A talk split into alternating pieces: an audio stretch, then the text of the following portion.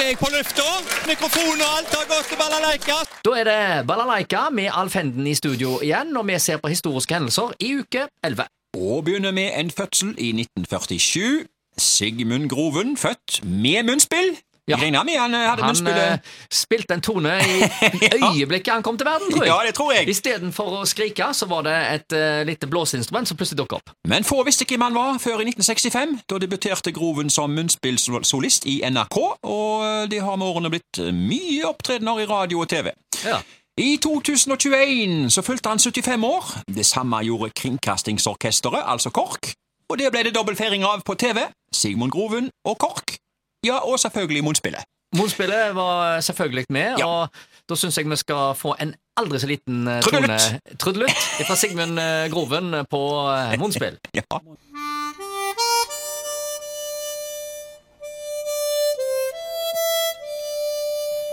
Ja, kjente toner Ja, som vi har hørt før. vakkert. 1959 ble Jens Stoltenberg født. Han ble jo født inn i eh, Arbeiderpartiet, og ble selvfølgelig AUF-leder, og i fremdeles ung alder Arbeiderpartileder, statsråd og statsminister.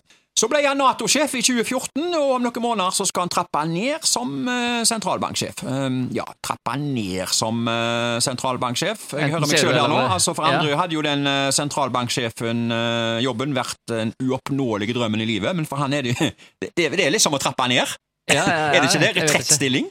Ja, så eh, alt du gjør etterpå, det blir eh, Ja. det blir en pause. Ja, men det er jo en stund til, da. Eh, Det var vel i desember, tror jeg. Hendelser uh, internasjonalt. 1957.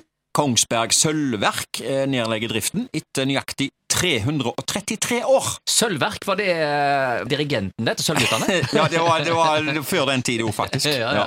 Eh, 1978. Italias statsminister Aldo Moro blir kidnappa av Røde brigade.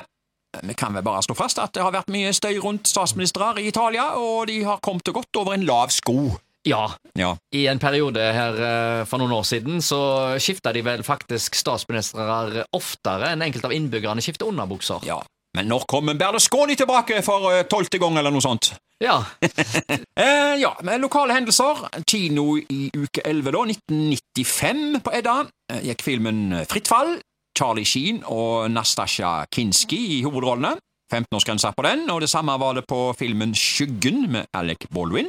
Så gikk filmen Nell med Jodie Foster. 11-årsgrensa på den. Og så var det en eh, spenningsfilm om sexpress, faktisk. Den heter Avsløringen. Michael Douglas, Demi Moore og Donald Sutherland i hovedrollene på den. 15-årsgrensa.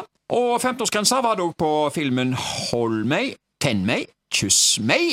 Ja, kjærlighetshistorie der. Og så gikk det en film som het eh, Jordbær og sjokolade. Det var jo en elleveårsfilm. en humorfilm der. Og så må vi jo ende på nattkino. Der gikk filmen Ensom, tosom, trekant. Eh, I kinoannonser så sto det én jente, to gutter, tre muligheter. Her er det bare til å bruke fantasien. ja, det var litt av hvert. Ja, Ja, ja. Eh, Det var altså kinomenyen i Hva- hva- Vi snakket jo om, eh, her i et tidligere program om eh, noen kvinnelige løsaktige eksistenser. Ja, det, det var kanskje noen av de her. Det var kanskje noe der, ja. Ja. ja, ja. Vi holder oss litt i sjangeren vi avslutter med her nå. Eh, 1935, brutt ekteskapsløfte. Haugesunds Avis skrev en anmeldelse som er helt enestående for haugesundske forhold, er innlevert til politiet i dag. En dame her fra byen har nemlig anmeldt en mann for brutt ekteskapsløfte, og forlanger at politiet skal ta seg av saken, da mannen ikke har stått ved sitt løfte. Ja. Damen påstår hun har vitner på mannens ekteskapsløfte. Sto der altså. Jaha. Tja, mannen har vel bare fått kalde føtter.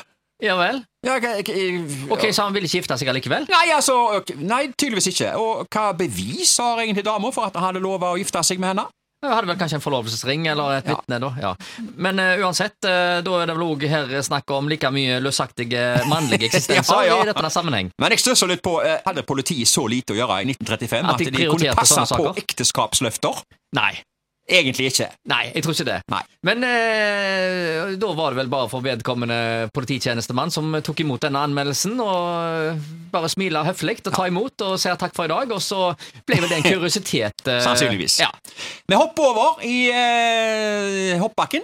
ja. Var ikke det elegant? Var ikke det en elegant eh, overgang? Jo, ja. Ja, 1958. Hoppbakken på Hollenderhaugen, ja. Haugesunds Dagblad skrev Hoppbakken på Hollenderhaugen demontert. Tegninger til et rørarrangement ferdig eh, utarbeidet. 500 hopp. i bakken på en skisøndag. Ja, det var jo 1958 da at eh, bakken på Lenderhaugen ble innvia, og den var, det var stillas og det hele. Jeg har sett bilder av denne hoppbakken, eh, fargebilde faktisk. Fantastisk skue. Det ser ut som, det, det ligner litt på Holmenkoll-tendenser, altså. Ja. Ja, ja. Og det var, det var ambulanse der, vet jeg, og det var helt vanlig at noen skada seg og ble oh, ja. kjørt av gårde. Det var ganske farlig, for bakkene her Det var var, jo ikke, så, de var ikke preparerte. Det var Nei, jo unge gutter som satt utfor bakken, og det var jo gjerne ofte det samme unge guttene som preparerte. Ja. Og, eh, Så du landa jo rett i steinrøys, gjerne, vet du. Så Ja, det, det, det skjedde saker og ting her, altså. Um, men eh, hvem var det som var med på disse her rennene, da? Jo, det var alt fra eh, De, de meldte på unggutter, da. Altså alt fra fotballklubber til Frelsesarmeen. Og um, på disse stevnene så kunne det faktisk være oppimot 1000 tilskuere, altså. Ja, ja, ja.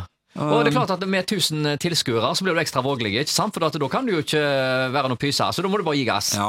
Jeg husker jeg var oppe i bakken for en del år siden eh, og lagde en reportasje for uh? Kamsund Avis. Nei, men jeg hadde med meg en uh, oh, ja. som hadde hoppa der. Uh, oh, ja. Asbjørn Saltveit. Ja. Og uh, han uh, hadde visstnok uh, backrekorden der på 22 meter. Oi. Ja, det var, det var det stykke. Ja, visst var det det. Og de hoppet jo med, de hoppet jo med all slags ski. Lange treski på over to meter, og de hoppet med det de hadde.